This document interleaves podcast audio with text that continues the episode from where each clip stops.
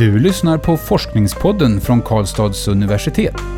Här möter du forskare som tar dig med på en upptäcktsresa i vetenskapen. Den här podcasten görs av universitetsbiblioteket.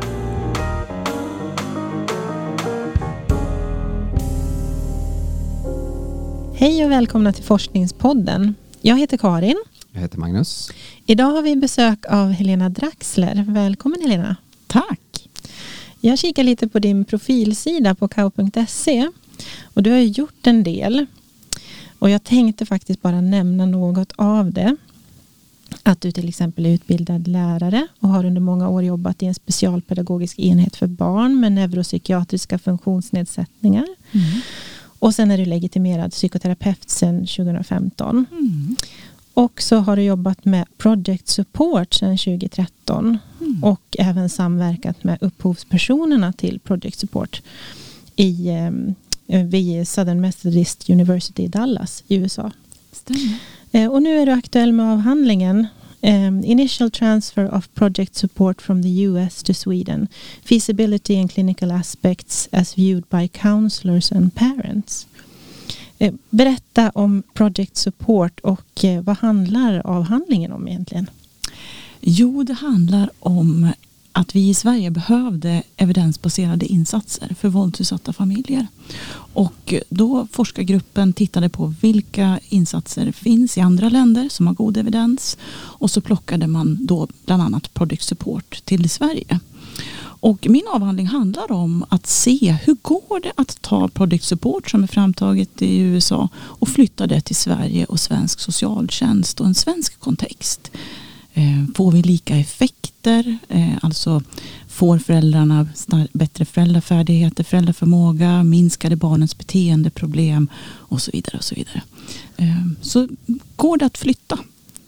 Så. Det handlar min avhandling om. Vad, vad innebär Project Support egentligen? Går det att förklara det lite kort sådär? Vi kan försöka. Ja. eh, jo, men Project Support är ju en, ett, en insats för föräldrar som har varit våldsutsatta och som har barn mellan tre och nio år som har utvecklat beteendeproblem.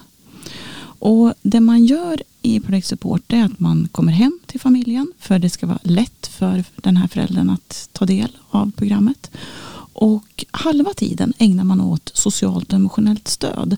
När man har varit våldsutsatt och tagit sig ur en, en våldsam relation så finns det massor med saker som man kan behöva hjälp och stöd med. Allt ifrån att man inte har ett eget bankkort eller vad ska jag berätta för personalen på förskolan mm. och vart kan jag själv behöva få hjälp om jag är traumatiserad. Så halva tiden man träffas handlar om socialt och emotionellt stöd. Men det är också så att barnen har kanske utvecklat beteendeproblem då, i samband och utifrån våld. Och då behöver föräldern få veta och redskap. Hur ska jag möta mitt barn utifrån de här beteendeproblemen och få dem att minska? Och då, finns, ja, ja, då finns det nio stycken föräldrafärdigheter som man då övar föräldern i. Kan du berätta mer om de färdigheterna? Ja, de har inlärningsteoretisk eller inlärnings, social inlärningspsykologisk teoretisk bakgrund. Och de flesta föräldrastöd som har den inlär, liksom teoretiska grunden bygger på att man ska skapa ett positivt och nära samspel först. Många föräldrar som har barn med beteendeproblem de vill ju veta hur ska jag göra när mitt barn sparkar eller slår mig. Mm. Och gränssättning. Men sådana korrigeringar eh, är ju mer liksom skaver i relationer. Och barn med beteendeproblem de får mycket tillsägningar. Sluta, låt bli, jag har ju sagt till dig. Mm. Och för att liksom få mer ett positivt samspel så behöver man börja med att vara aktivt närvarande. Att ge beröm, att lyssna och trösta. Så att de tre delarna får ett större utrymme än korrigering. Mm. Och sen kan man kanske börja med korrigering när relationen är liksom på plus mm. genom beröm och närhet och aktivt samspel. Jag tänker på i avhandlingen så är det ju fyra studier. Om jag inte missminner mig. Mm. Visst är det fyra? Ja. Mm. Vill du berätta lite grann om de studierna? Mm. Mm. Den första studien är ju intervjuer med mammor och behandlare. Om hur de tycker att det har varit och tagit del av Project Support eller så. Eh, och då visar det sig att det finns en del utmaningar både för mammorna och för behandlarna. Ehm, För mammorna är det att faktiskt praktiskt träna de här föräldrafärdigheterna. Eh, De har haft så stort fokus på våldet så de vet inte riktigt hur sina barn leker. Och då har de svårt att liksom gestalta sitt barn i lek. Som man gör när man tränar i PS. Mm. Ehm, Behandlarna de tycker också att det är ganska svårt och Mm. utmanande att visa de här föräldrafärdigheterna. De vill mest prata och det är de vana vid. Hur kan det gå till när man tränar en sån här färdighet då för att vända det till något eh, positivt om man säger i det här fallet? Mm. Och, Lek till exempel. ja men precis. Och det är lite unikt för just Project Support hur man övar föräldrafärdigheterna. För då eh, om du Karin är eh, mamman här då eh, är det så att du leker som ditt barn brukar leka. Eh, Mhm. Så om ditt barn leker med pet shops eller några andra små figurer då leker du det och så visar jag. Så här går det till. Så då får du som mamma känna hur ditt barn kommer att känna när du blir bemött på det här nya sättet med den här föräldrafärdigheten. Okej, så det är som ett slags, nästan som ett rollspel kan man säga. Då. Ja, en praktisk Mm. övning. Vad intressant. Och sen så, så byter vi. Så då är Mhm. jag barnet. Då kör jag lek. Så jag som behandlare behöver vara ganska lekfull och aktiv. Mm. Beroende på vad familjen gillar. Om det är innebandy eller eh, lego. Eller, ja. Mm. Så jag leker och då får du öva de här föräldrafärdigheten. Eller ja, den färdigheten vi är på. Mm. Och så övar du tills du kan den med mig som barn i många olika leksituationer. Sen tar vi in barnet. Och då får du pröva med ditt barn och jag ser hur det här går. Mm. Och går det fint, då kör vi. Och då kan du göra det hemma. Vad spännande det låter. Ja. Så det är väldigt strukturerat och stegvis. Och det gör också att man som behandlare vet att föräldern har kompetensen Mm. och då förutsättningar att kunna lyckas och hjälpa sitt barn. Hur länge har det här funnits i USA? Ja, ungefär liksom 90-talet Mm. eh, utvecklade Ernst Uriel och René McDonald själva metoden och den första studien är från 2001. Mm. Hur kom det sig att du började forska om det här eller att du blev inblandad i det här? Ja, det, var, det är ju Kerstin Almqvist och Anders Broberg som var de som valde ut vilka insatser som skulle implementeras och prövas i Sverige. Eh, Så det var de som valde ut Project Support just utifrån att man behövde en insats som är individuell och för barn med beteendeproblem.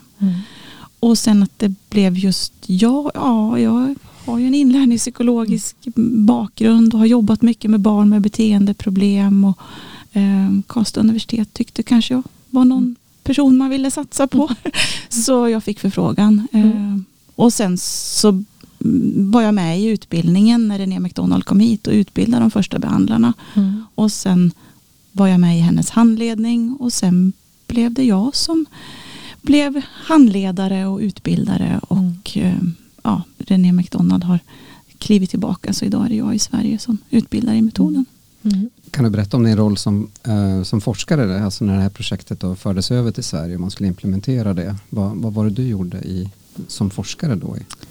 Ja, men då var jag den som liksom eh, gjorde intervjuer och sammanställde skalor och åkte över halva Sverige och samlade in de här skalorna och ehm, var med som mm, liksom bisittare på handledningen och sådär för att följa processen och vilka svårigheter de hade mm, som de tog upp med René då i handledning.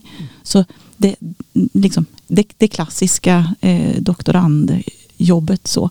Jag var inte involverad i själva metoden eller utförandet av metoden utan jag, Dokumentera då. jag dokumenterade och observerade. Eh, vill du berätta mer om, eh, du var ju inne lite grann på liksom resultat och sådär, men kan du utveckla vad, vad du har sett i den här dokumentationsinsatsen så att säga? Ja men precis. Jo men som studie ett det är ju liksom att det finns ett visst motstånd att faktiskt göra och handgripligen göra. Ehm, Men när man väl kom igång. René McDonald hon sa en gång i en handledning. Behandlarna hade pratat och pratat och pratat med föräldrarna. Och de liksom kom aldrig till skott i den här praktiska träningen och visa. Så då sa hon till slut. Stop talking, just do it. och det där blev liksom Ja. eh, Project Support signum. Att det är inte så mycket prat i den här insatsen utan det är väldigt just do it.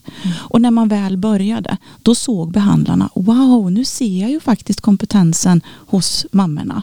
Eh, förut har jag ju bara pratat, de har fått återge då vad de gör men nu ser jag ju vad de gör. Mm. Och mammorna känner att det är jag som bär förändringen. Mm. Det är jag som kan påverka mitt barn. Så eh, när man väl kom igång så blev effekterna positiva. Eh, Men det jag har sett är ju att det finns likvärdiga effekter mellan eh, Sverige och USA. Föräldrarna blir mindre hjälplösa, de känner sig mer stärkta i sitt föräldraskap, blir mer positiva. Barnens beteendeproblem upplever föräldrarna har minskat. Ehm, Det jag också sett är att den här andra delen, det sociala och emotionella stödet som man fick också i sessionen. Det är inte riktigt så hjälpsamt för föräldrars psykiska ohälsa. Den kvarstår. Så många av de här mammorna som det är med i min forskning, de har eh, kliniska nivåer för ohälsa och traumasymptom och skulle behöva ett komplement till Project Support, kanske inom psykiatrin eller öppenvård. Eller att det sitter så djupt i dem, de här, det de har varit med om. Ja, ja. Det- Och det är också någonting som, eh, som man behöver hjälp kanske inom socialtjänsten att uppmärksamma att eh, när behövs en annan insats eh, som komplement då. Mm. Så, så det har jag sett. Och om man då tänker att de här mammorna då, de har kliniska nivåer av psykisk ohälsa. Men de har ändå kunnat lära sig Project Support och funnits för sina barn och kunna hjälpa barnen med beteendeproblem. Mm. Så det finns eh, mycket kraft och mycket hopp Verkligen. hos de här mammorna att vilja göra saker för sina barn. Mm. Jag var lite nyfiken bara på hur, alltså hur långt det, jag tänker att du be- beskrev det som att, eh, att det är ganska mycket tillit som behövs då för att få de här relationerna mellan behandlare och mamma och barn att liksom funka och så. Men det låter som att det skulle kunna ta ganska mycket tid eller hur, hur, hur mycket utsträckt tid brukar det vara? Ja, och när man gör hela programmet då är det ungefär 25 sessioner i åtta månader. Men det vi, vi har sett i forskningen här det är att man har inte riktigt den tiden och man kommer inte att göra alla delar. Det är bara en av fem behandlare som faktiskt gjorde alla komponenter i product Support. Men ändå fick vi likvärdiga resultat. Och det tycker jag ändå liksom indikerar att de här första föräldrafärdigheterna som är närvaro, beröm och lyssna och trösta. De är väldigt starka när det gäller att hjälpa barn med beteendeproblem. Så att börja gå in och gör någonting. Även om du kanske inte kan göra allt. Så börja med något. För det, det ger i alla fall lite grann en indikation på att det kan vända det hela rätt.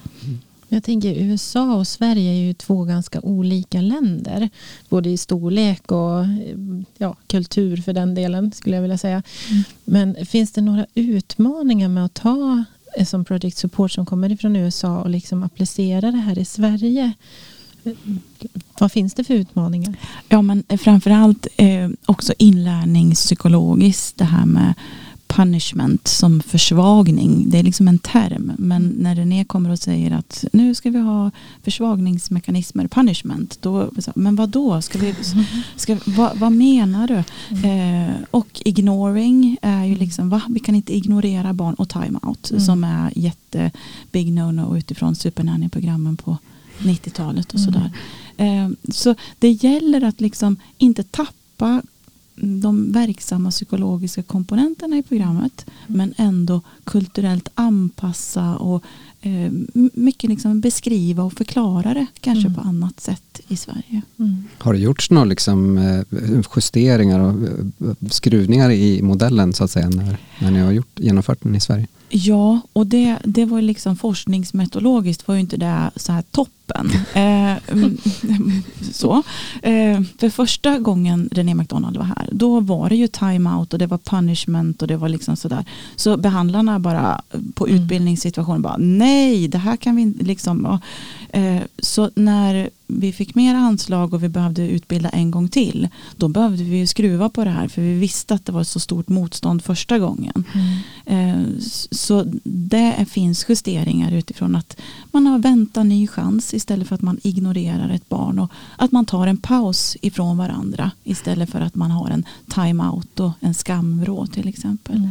Så kulturella anpassningar behöver, behövde göras. Mm. Så. Jag, jag, läste också att eh, du påpekar att det krävs um, hur ska man säga, organisatoriska satsningar för att få ett sånt här som project support och få långtgående verkningar. Eh, vill du berätta lite om det? För nu pratar vi mycket om behandlarna mm. men det finns ju faktiskt en organisatorisk aspekt av det också som gör att det blir någonting som är långsiktigt mm, mer. Mm, tack för frågan. Det är, det är den fjärde studien och den är väl liksom, ja den är lite, lite sorgsen om jag tänker som ambassadör idag då för Project Support så är det bara en enhet som fortfarande jobbade med PS aktivt. Mm, mm, mm. eh, och den enheten hade ju lite signum eh, och det var att de hade en, en chef, en ledning som tydligt förväntade sig att ni har den här kompetensen och jag förväntar mig att mm. ni ska jobba med den. Mm. Det var också samma kollegor. Det var samma chef. Man hade inte liksom haft sån omorganisation. Mm. Eh, och de stöttade varandra i arbetet. De hade kontinuerlig handledning. Och ja, de hade avsatt tid för att sprida information om Project Support på sin enhet. Mm. De andra de, de kanske var ensamma på sin arbetsplats. Eh, de hade bytt chef. De, eh, ja, det, mm. det, det liksom rann ut i sanden. Ja, det, mm. Saker och ting har ju en tendens att göra det om det inte finns en tydlig riktning mm. tyvärr. Ja, ja. Mm. Så, ja. Mm. Vem, eh, och liksom med detta sagt också kanske då, vem hoppas du, eh, kommer att läsa din avhandling vad hoppas du att den kan bidra till? Ja men dels hoppas jag att eh, Socialstyrelsen läser mm. avhandlingen. Mm. För det var också Socialstyrelsen som valde att finansiera implementeringen av Project Support. Men var är Socialstyrelsen nu? Mm. eh, när det gäller också att hålla någonting vid liv. Mm. mm. Så det tänker jag att eh, det behöver finnas en, en, en bärare eller en struktur för hur, när man implementerar insatser överhuvudtaget i Sverige och vad man plockar in. Att man har en tänkt idé eh, även från högsta nivå i, i Sverige. Nu tycker jag vi riktar en uppmaning till dem att agera. Eller? Ja, precis. Ja, faktiskt. Mm. mm. Ja. Um, jag, ja, jag vet inte, jag blir, så, jag blir också sådär berörd över att det liksom tappas på vägen. Um, jag måste bara säga det, ja. ja, men jätteintressant. Vi, vi försöker nu när vi ger utbildningen via Uppdrags AB här vid Karlstad universitet att också ha ett implementeringsstöd till cheferna. Mm. Så förutom att jag utbildar behandlarna så träffar jag deras chefer.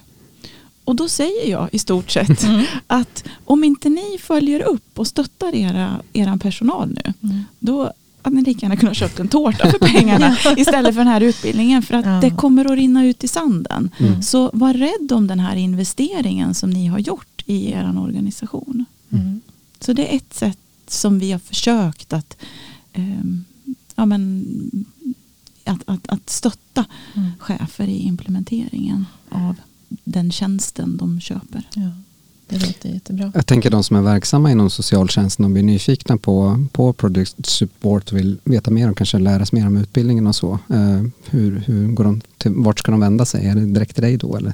Ja men det går ju fint. Mm. Eh, men också via Uppdrags AB. Men jag tror att jag är lättast att hitta. Så mm. ett mejl till mig går strålande. Mm. Vad bra. Jag tror att vi eh, tar och knyter ihop det. Vi har en allmän fråga på slutet som vi brukar ställa till de som gästar oss här i podden. Ehm, och det är om du har något gott råd till en doktorand som nyligen inlett sina studier. Om det är någonting du tycker är viktigt att man behöver för att ta sig fram till disputationen. Mm. Nu kom det verkligen Oj. från vänsterkanten här en fråga. ja, var rädd om dig själv. Mm. Eh, och det finns saker som är viktigt i livet förutom avhandlingen. Sådär som familj och egen hälsa och så. Mm. Så det skulle jag vilja skicka med. lysande Ja, det låter som fantastiska sista ord Mm. tycker jag. Tack så hemskt mycket Helena för att du kom hit och gästade Forskningspodden. Och vi önskar dig all lycka med ditt fortsatta arbete. Tack. Och tack också till er som lyssnat på podden. Om du är intresserad av att läsa Helena Draxlers doktorsavhandling så finns den att ladda ner i vår publikationsdatabas DIVA. Vi hörs i nästa avsnitt. Du har lyssnat på Forskningspodden från Karlstads universitet. Den här podcasten görs av universitetsbiblioteket. Alla avsnitt hittar du på kau.se forskningspodden.